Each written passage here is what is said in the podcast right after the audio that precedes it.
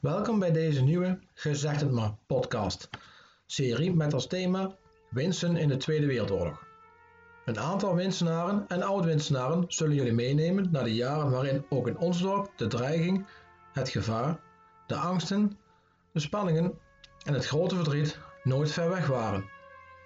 We mogen luisteren naar mensen die er veel over weten. We mogen luisteren naar mensen die het hebben meegemaakt. Indrukwekkende verhalen die het verdienen gehoord te worden en die nooit vergeten mogen worden. In de eerste drie afleveringen van deze podcast over winsten in de Tweede Wereldoorlog is onze gast niemand minder dan Art van Hulst, oprichter van het Winsterse 4 en 5 mei-comité en de grote man achter het Maas Oorlogsmuseum dat zich vele jaren bevond aan de Molenstraat. Vanaf jongs af aan heeft hij vele kennis vergaard over dit onderwerp, waardoor hij met recht een instituut op het gebied genoemd mag worden. In deze tweede aflevering blikken we terug naar de periode van mei 1940 tot september 1944, de jaren dat Winsen bezet was. In het begin verliep dat nog vrij rustig. Door creativiteit en inventiviteit hoefde men weinig tot geen honger te lijden. Al werd het, hoe langer de bezetting voortduurde, wel steeds moeilijker. Allerlei producten die voorzagen in de levensbehoeften werden schaars en gingen op de bon.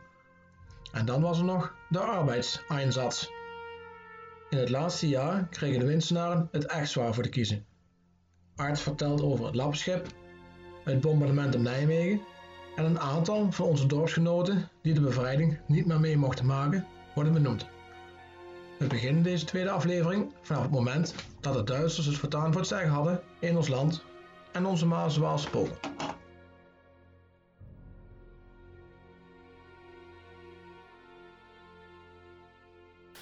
Ja, ja toch is dat heel gek, want de eerste paar jaar merkten de winstenaren daar eigenlijk niks van. Wel dat er steeds meer verordeningen kwamen, dat er bepaalde dingen niet meer mochten, joden werden uitgezonderd. Maar ja, goed, Wins had nagenoeg geen Joodse gemeenschap, eh, of eigenlijk niet. Dus men merkte eigenlijk heel weinig. Dus de eerste jaren blijft men gewoon zijn dingetje doen men bleef op de steenfabriek werken, men bleef gewoon een, uh, een keurje uh, houden. En, dus alles bleef eigenlijk bij het oude. Wat veranderde? Het is meer dat er dingen kwamen als spertijd. Wat we eigenlijk nu hebben, een avondklok. Ehm, men zag dat de, de stoepranden langs de Verneemselweg werden, en de bomen werden wit geschilderd. Waarom? Vanwege de verduistering. om vliegtuigen niet de kans te geven dat ze uh, punten konden herkennen, moesten alle huizen verduisterd worden. Dat betekende dat het heel donker werd op straat. Dus je moest die bomen en die stoepen wel wit schilderen, want anders reed je zo de sloot in, zeg maar. Uh, nou, dat soort dingen kon je wel merken. Je kreeg uh, echt, als je de stad inging en uit, bij de sluizenbeurt een controlepunt. Um, dingen gingen op de bon. Waren al op de bon in 39 voor een deel, maar alles werd schaarser, dus dat ging op de bon. Dus, uh, dus levensmiddelen waren geen vanzelfsprekendheid nee, Nee, en je moet je voorstellen, we hadden uh, destijds in Winsen elf cafés, maar we hadden ook elf kruideniers. Dus um, ja, ook die werden minder bevoorraad. Dus mensen, eh, dingen als meel en, en dus dat werd wat lastiger um, om, om te krijgen. Maar men was ook heel inventief. Dus men ging zelf korenmolens uh, maken, zodat ze... Hè, ik heb heel lang in het museum uh, van een oude stoelzitting een, een, een, molen gehad waar ze zelf graan in uh, hebben gemalen. Uh, om dan toch maar meel te hebben. Men werd wel heel inventief. En wat je ook zag, je had een voedselvoorziening en men moest alles opgeven. Dus als men een varken had met tien biggen, dan moesten die tien biggen worden opgegeven. Nou, wij werd creatief. Dat varken kreeg geen tien biggen, maar die kreeg er maar zeven. En die drie die gingen ergens achter een schot en uh, werden daar verder opgefokt, zodat ze toch vlees hadden. Dus honger heeft men in Maaswaal en in Winsen niet echt geleden, maar men had het wel steeds moeilijker. Hè? Je moet er vooral denken aan schoenen, textiel, dat soort dingen. Dat werd gewoon wel een dingetje. die gingen allemaal op de bol. Ja. ja. En Art, het, uh, het bestuur, want ja, tegenwoordig is alles democratisch. Uh, maar dat was er natuurlijk uh, niet meer bij. Nee. Nee, als je hier kijkt, eh, nou ja, Winsen was onderdeel van de gemeente Ewijk. En in Ewijk hadden we burgemeester Sprenger. En we hadden secretaris Overmars. Uh, twee illustere figuren, de ouderen die kennen hun uh, vast nog wel. Sprenger um, stond niet bekend als een uh, heel moedig burgemeester, maar bleef wel zitten. Dus in het bestuur veranderde eigenlijk heel weinig. Alleen ze krijgen wel al te maken met al die Duitse verordeningen. En dat begint al meteen in 40. En op een gegeven moment uh, komen daar dingen bij als uh, bijvoorbeeld de arbeidseinsatz. Dan praten we al over 1943. Uh, eh, dan worden jongeren boven de 16 verplicht om in Duitsland te gaan werken of je moest een vrijstelling hebben. Hadden we hier in Winsen hadden we iemand zitten met de naam Rutjes, Jan Rutjes. Dat was degene die moest bepalen of iemand een Ausweis kreeg of niet. En die heeft heel veel Ausweis uitgeschreven voor mensen, zogenaamd noodzakelijk voor de landbouw. Uh, dat was namelijk een van de uitzonderingen die men kon maken. Nou, dus heel veel jongens konden op basis daarvan uh, thuis blijven. Maar had je thuis geen uh, agrarisch bedrijf of werkte je niet bij een boer, dan ja, had je toch een dingetje. Dus een aantal gingen dan onderduiken. Nou, een heel bekende onderduiker in Winsen is natuurlijk Jan van Haren. Mm -hmm. En ja, we hebben het er al wel eens over gehad. Hoe kan het toch dat iemand onderduikt en dan thuis? Maar dat kon in Winsen. Echte plattelandsgemeenten waren bijna geen Duitsers hier in de regio. Je had er wat in Wiegen en wat in Druten en heel veel in Nijmegen en Tiel. Maar in Maaswaal zelf, in de dorpen zelf, nagenoeg niet. Heel af en toe werd er een Duitser tijdelijk ingekwartierd. Maar dat eigenlijk in de dorpen Ewijk, Winsen gebeurde dat bijna niet. Dus men kon gewoon ook, hoe gek het ook klinkt, thuis onderduiken. Als je dan in de boomgaard een schuurtje had, zoals bij Jan van Haren thuis, dan kon je gewoon in je eigen schuurtje, hè, met een bepaald waarschuwingssysteem, kon je gewoon onderduiken. Nou hadden we een heel mooi waarschuwingssysteem hier in Maaswaal, dat weten heel weinig mensen. Maar je had de sluis in Weurt en de PGM, de Provinciale Energiemaatschappij destijds, met de centrale in Nijmegen, die hadden een eigen telefoonlijn. En dat was puur voor storingen, als er storingen in het elektriciteitsnet waren. Dus wat deden die sluiswachters? Die maakten gebruik van dat illegale telefoonlijntje van de PGM en waarschuwden op het moment dat de groene politie uit Nijmegen voor een razzia het gebied inkwam, waarschuwden ze de dorpen. De lokale PGM-medewerkers werden dan geïnstrueerd van, goh, ze komen eraan met een bus, en ze gaan een razzia houden. En dan dook iedereen in het schuurtje of uh, op zolder of uh, waar ze ook de onderduikplek hadden. Dus dat was eigenlijk een heel mooi systeem. We weten ook van een familie van de Hurk, de Visser werden die ook wel genoemd. Die woonde net tussen Winsen en Ewijk in, aan de dijk.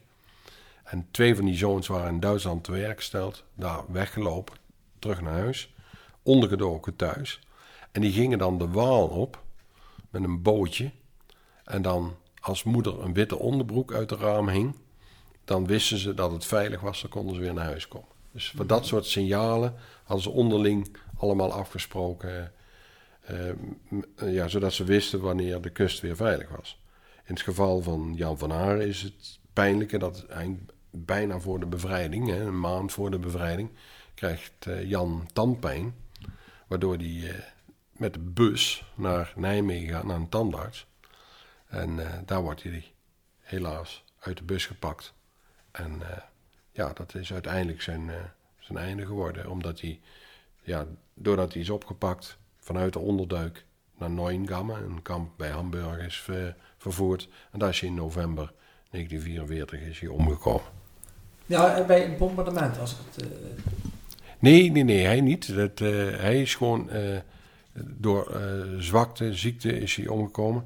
Dat, dat andere verhaal bij een bombardement, dat is van Piet Jansen uit Ewijk. Mm, die is ja. in race, zat hij in een kamp en dat is gebombardeerd. En daar is hij bij omgekomen. Dat is natuurlijk ook, ja, dat is eigenlijk dubbel dramatisch. Zit je in een kamp en dan, ja, ja, ja word je door de geallieerden gebombardeerd en dan kom je om.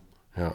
Ja, ja heel wrang. Het is, als ik het eigenlijk goed begrijp, Art, is, zijn de eerste jaren eh, van de oorlog rel- relatief rustig verlopen. Ja, in, eh, Klopt. maar eh, eigenlijk door de arbeidseinsatz, dus dat mensen, jonge mensen te, te werk gesteld werden, dat heb je net keurig uitgelegd, en werd het grimmiger. Ja. En eh, kwamen ook dus Duitse soldaten in het eh, straatbeeld Ja. eigenlijk. eh, en Ja. met geen goede bedoelingen. Nee. Eh, maar even kijken, de laatste jaren van de oorlog, die werden sowieso, er gebeurde sowieso van alles eigenlijk. Eh, toen, even kijken, ja, je hebt, eh, toen zijn er ook echt wel wat gebeurtenissen geweest Ja. die indruk hebben gemaakt Ja. op de bevolking. Eh, ja, bijvoorbeeld ook het, eh, het verhaal van eh, het lappenschip. Ja, dat is altijd. eh, ja, als je echt oudere winsenaren spreekt, dan hebben ze het altijd over het Lappen- en het Kolenschip. Dat zijn twee schepen. Eh, in september 44, we zitten dan eigenlijk tegen de bevrijding van Winsen aan. eh, krijgen we eerst het Lappenschip. Het Lappenschip, moet je voorstellen, als wij het hebben over Rijnaken, hè, zoals we in de oude tijd het, erover hebben, dan zijn dat sleepboten, zeg maar, met daarachter weer boten die eh, voorraad hebben. Het is niet zoals we nu de schepen over de Waal zien met een eigen motor. Eh, Nee, een sleper ervoor met drie, vier, vijf eh Rijnaken daarachter. En die gingen dan richting Duitsland. Ehm, het Lappenschip, met name het schip de Marta, dat was een van drie schepen die achter zo'n sleper hing. En die zijn op 9 september 1944 beschoten door drie Mustang vliegtuigen. En ehm, je moet je voorstellen, aan de overkant, mijn vader zei, daar komt nog geen goede wijn vandaan, zei hij vroeger wel eens. Maar er stond afweergeschut bij een conservefabriek Vink in Hien-Dodewaard. En die raakt een van die toestellen, een Mustang, met daarin Flight Officer Lamp. En dat vliegtuig, dat komt in Winsen achter Pandahara neer. De piloot zelf komt eruit. V- eh, Het toestel stond in brand, hij had brandwonden. Maar hij komt neer eigenlijk, ja, dan kom ik weer op Molenstraat 18, maar Ja, eh, schuin tegenover eh, Molenstraat 18. En de familie Smits woonde toen in een boerderijtje tegenover Molenstraat 18. En een van de kleinkinderen heeft nu nog de cap van Flight Officer Lamb, een leren pilotencap, omdat hij daar is eh, neergekomen. Het toestel valt achter Pandahara, ongeveer waar nu die Forsythia-takken allemaal staan. En na de oorlog heeft, want was, de grond was eigendom van de kasteelheer in Ewijk van Wakolwijk. Die hebben daar de eh, Rolls-Royce Merlin motor nog uit de grond gehaald en verkocht aan een schoothandelaar in Wiegen. Dus vandaar dat we ook precies de locatie van het toestel eh, weten. Dat eh, laatste schip, de Marta, wordt geraakt, raakt lek. En de schipper ziet nog kans om dat, dat die Rijnaak op een krip en half op het strand eh, neer te zetten, zodat hij maar gedeeltelijk zinkt. Waar zijn we dan? Dan zitten we bij het, ja, ik zeg dan altijd oude veerhuis, maar dat zegt heel veel mensen niks meer. De hoek van Winsen stond vroeger op de dijk een veerhuis. Als je die lijn rechtdoor trekt, dan kom je bij de kerncentrale in Doordewaard uit. Nou, daar tegenover, op de Winsense kant van, eh, van de Waal, daar lag dat schip. Eh, 9 september zijn er volop de Duitsers hier in de omgeving. Ook heel actief, heel nerveus ook. En die gaan naar dat schip. En die halen met name het deel wat droog ligt, halen ze leeg. Dat deel wat onder water zit, daar hebben ze niet veel interesse in, dus dat laten ze zitten. Nou, binnen een mum van tijd weet Deest, Winse Ewijk weet dat. En ja, ik zei al, textiel was op de bon, dus ja, sla je slag, hè. Dus iedereen op naar het schip. Maar de Duitsers schoten op je. Dus het moest veelal s'avonds en s'nachts. Eh, dan praten we over de periode 9 september. Totdat de geallieerden echt in de streek komen. Dan zitten we rond 20 september. In die tussentijd werden die lappen allemaal uit dat schip gehaald s'nachts. En te drogen gelegd op de lokale voetbalvelden van Deest, Winsen en Ewijk. Daar werden mensen bij gezet om te, te bewaken. Ja, ja, Maar ja, iedereen had armoe, dus ja, dan verdween nog wel eens wat. Alleen die stof was van een dermate kwaliteit. Als je daar een pak of een jas of iets van maakte, dan kon iedereen op een kilometer afstand al zien dat het stof was van het lappenschip. Het was gewoon, ja, tolle spul, zeg maar. Maar goed, eh, men was er toch blij mee, want je had dan toch of een jas of een pak of whatever. Ehm, dus de, de, dat volop leeggehaald. Het tweede verhaal is van het kolenschip. Dat kolenschip lag eh, ongeveer ter hoogte van het huis wat wij nu nog noemen van Van Zwelm. Zeggen we altijd nog, dat witte huis Ja. op de uiterwaarden. Daar lag ehm, een kolenschip, was ook lek eh, geschoten. Maar ook kolen waren heel schaars. Eh, we hebben het dan over 29 september. De geallieerden zijn al hier in de streek. En wat doet eh, de Nederlandse regering eigenlijk? Die hebben vanuit het verzet mensen benoemd tot binnenlandse strijdkrachten. Kregen een blauwe overal, armband met oranje erop, wapen, vaak nog Duits, buitgemaakt wapens, want men had niks. En dan werd zo'n schip werd dan bewaakt door de BS. Eh, in dit geval waren de twee BS'ers Jan Lubelté en Alex eh, Willems. En ook dat schip eh, wordt beschoten. En waarom? Jan Lubelté die had koud en die zei van... "Wie- Kom eh, Alex, we gaan de kachel aan doen. En die hebben de kachel aangemaakt, waardoor de rook uit de schoorsteen van het schip kwam. En de geallieerde piloot dacht van, oh, dat schip probeert weg te komen nog naar Duitsland. Dus die hebben dat schip beschoten.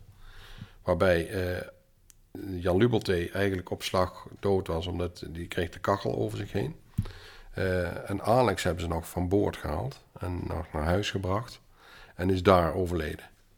Eh, heeft enorme indruk gemaakt ook op die familie. Met name ook op moeder Willems. Die heeft ooit nog een interview op de radio daarover gegeven. En als je dat hoort, dan, dan praat je over de jaren 70, 80 denk ik zo'n beetje. Ja, dat is indrukwekkend zoals dat binnenkomt. Bij, datzelfde, bij diezelfde aanval is nog een Nijmeegse evacuee omgekomen. Helaas hebben we daar nog niet gegevens van kunnen vinden. Dus ik hoop dat er misschien nog winstenaren zijn die weten wie, wie dat is. Maar dat eh, schijnt ook een Nijmeegse evacuee bij omgekomen te zijn. En die was ook op dat schip. Schip, ja. Ja. ja. Je moet je voorstellen, mensen hadden zo'n behoefte aan kolen. Dat schip moest echt bewaard worden, want er werd gestolen als de raven. En dat kan je ook wel voorstellen als je je huis wil verwarmen. Je hebt geen kolen, je hebt, en, en daar ligt een kolenschip.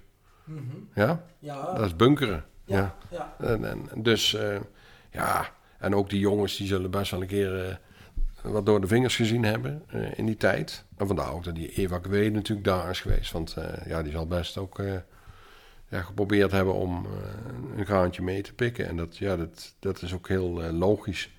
Eh zijn wel altijd, als je oud-Winsenaar, Deesenaar, Ewekenaar vraagt, dat lappenschip en dat kolenschip, dat zit in het collectieve geheugen gegrift. Dat zijn gewoon ja, hele indrukwekkende dingen geweest.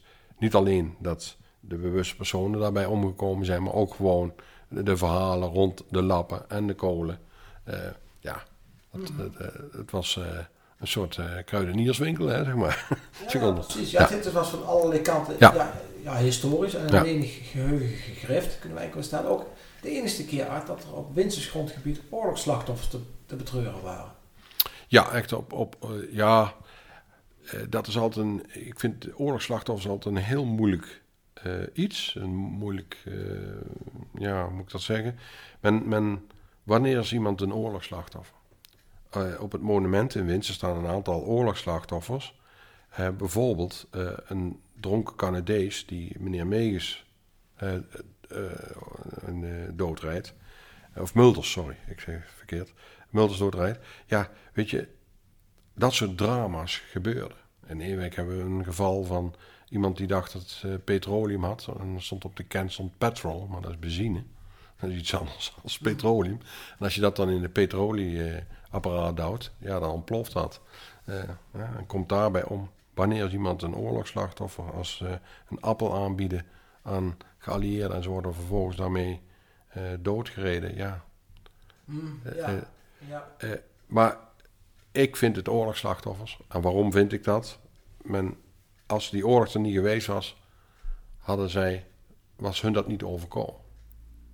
En, en, eh, En zeker in die bevrijdingstijd. Ik zeg altijd, Maaswaal heeft eh, twee keer oorlog meegemaakt in de Tweede Wereldoorlog. Dat is mei 40 en de winter, najaar 44, 45. Daartussen is relatief weinig gebeurd. Maar je ziet ook, als je kijkt naar de slachtoffers op het monument in Winsen, zijn de meeste allemaal eh, zeg maar of van mei 40 of 1944. Want wat we nog vergeten zijn te vermelden is het bombardement op Nijmegen. Waarbij toch ook vijf Winsense slachtoffers vallen. Ehm, en dat heeft ook diepe indruk gemaakt op niet alleen de nabestaanden, maar ook op Winsen zelf. Want ik weet nog dat mensen hebben verteld dat op die 22 september, s'avonds, kon men de rode gloed zien boven de stad. In Winsen. Van, Dus de, van, de, van, de, van de branden. Ja. En, eh, en waarom brandde die stad? Eh, er was geen bluswater. Dus men heeft de stad moeten laten uitbranden. Ja, dat is natuurlijk verschrikkelijk als je daar op zoek bent nog naar familieleden. Ik weet van de familie Teunissen bijvoorbeeld, daar is eigenlijk nooit meer iets van teruggevonden. Dus dat is, je kan er niet iemand begraven of je kan geen afscheid nemen. Dat zijn natuurlijk, ja, dat moet je meemaken om het te kunnen begrijpen en voelen. En dat bombardement, ja, dan heb je zo'n vergissingsbombardement en weet ik wat. Ja, dat, dat maakt niet uit. Het is door geallieerden uitgevoerd. Het is op een moment in de oorlog dat men ja, toch wat minder nauwkeurig keek naar dingen. Eh, eh, eh, Zoals ooit een van de Amerikanen zei die bij het bombardement betrokken was, er zit al licht een Duitser bij.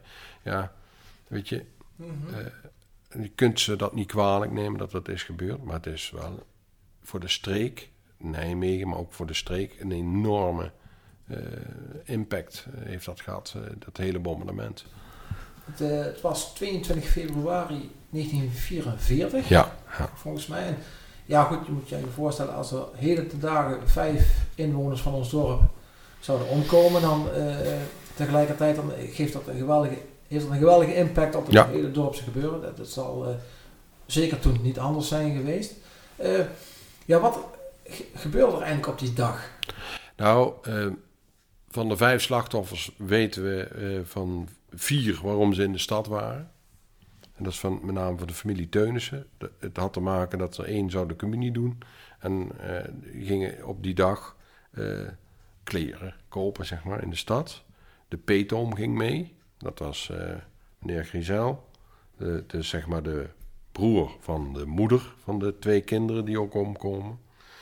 Ehm, ja, je moet dat zien. Ehm, jarenlang kwamen er al vliegtuigen over. Men stond er eigenlijk niet meer van te kijken. In Nijmegen gaat op een gegeven moment het luchtalarm af. Ehm, de vliegtuigen vliegen richting Duitsland, maar krijgen dan bericht van eh, het, target die jullie hebben, het doel wat jullie moeten bombarderen, eh, is te bewolkt. Je kan niks, eh, zoek maar een ander doel. Officieel is de lezing dat ze Gog en Kleef zouden gaan bombarderen. En vervolgens wordt het Enschede, Arnhem en Deventer en Nijmegen. Nijmegen met desastreuze gevolgen. Ehm, je moet dat zien, het luchtalarm wordt af. Mensen gaan de schuilkelder in. Vervolgens komt het zijn veilig. Vliegtuigen zijn voorbij. Hm. Maar op dat moment draaien hun boven Duitsland om, omdat ze het doel niet kunnen eh, bombarderen. En dan komen ze terug en dan pakken ze een willekeurig doel. Want je kan niet landen met bommen in je vliegtuig. Dus je moet een alternatief doel zoeken. En dat hebben ze gedaan. Alleen, ja, helaas boven Nijmegen. Net op het moment dat iedereen de schuilkelder weer uit is. Dus vandaar ook de vele slachtoffers.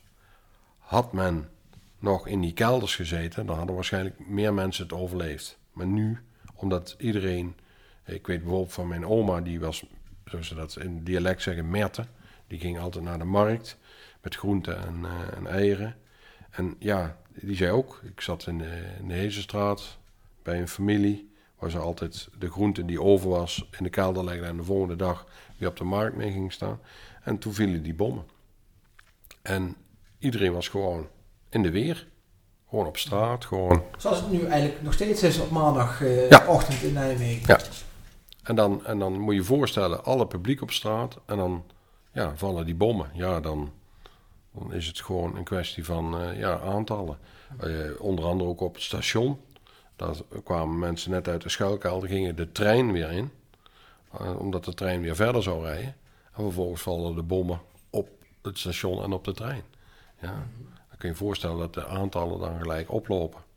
Eh, en ja, dat heeft eh, zeker ook als je dan hoort de zoektochten die mensen na het bombardement hebben gedaan. eh familie Teunissen, maar ook Tonen. De zoon daarvan die heeft dagen gezocht. En uiteindelijk kwam hij op de, in de oude veiling aan de Graafseweg, eh Vondelstraat in Nijmegen. Heeft hij eh, onder allemaal dekens moeten kijken en uiteindelijk vond hij daar zijn vader. Ehm, ja, dat heeft natuurlijk enorme indruk eh, gemaakt. En wat je al zegt, als er dan vijf mensen uit één dorp eh, bij zo'n monument omkomen, twee daarvan kinderen, ja, dat, eh, dat hakt er wel in. Ja, een ontzettende ja, tragedie. Ja. En ja, ja, dat, dat moet ontzettend indrukwekkend zijn geweest. En eh, ja, goed, ja, het is, ja, word je even stil van Ja, eh, eigenlijk. ja. Als je het een beetje probeert eh, ja, voor te stellen eigenlijk. En ook een moeder en twee kinderen uit één gezin. Ja. Eh, ja, Cor Teunissen, die is nog ieder jaar trouw bij de Wins herdenking. En die geeft er ook lezingen over. Ja. Dat was zijn moeder en, en- en zijn broertjes. En als je met hem spreekt, dan hoor je daar ook dat, dat, ja, dat intense onbegrip, verdriet. eh, ja, hoe moet je het omschrijven? Dat is, ja, dat, wat ik zeg, wij als buitenstaander kunnen wel meevoelen, maar niet invoelen wat dat is. Dat is eh, Nee, gigantisch. De impact van oorlog. Ja.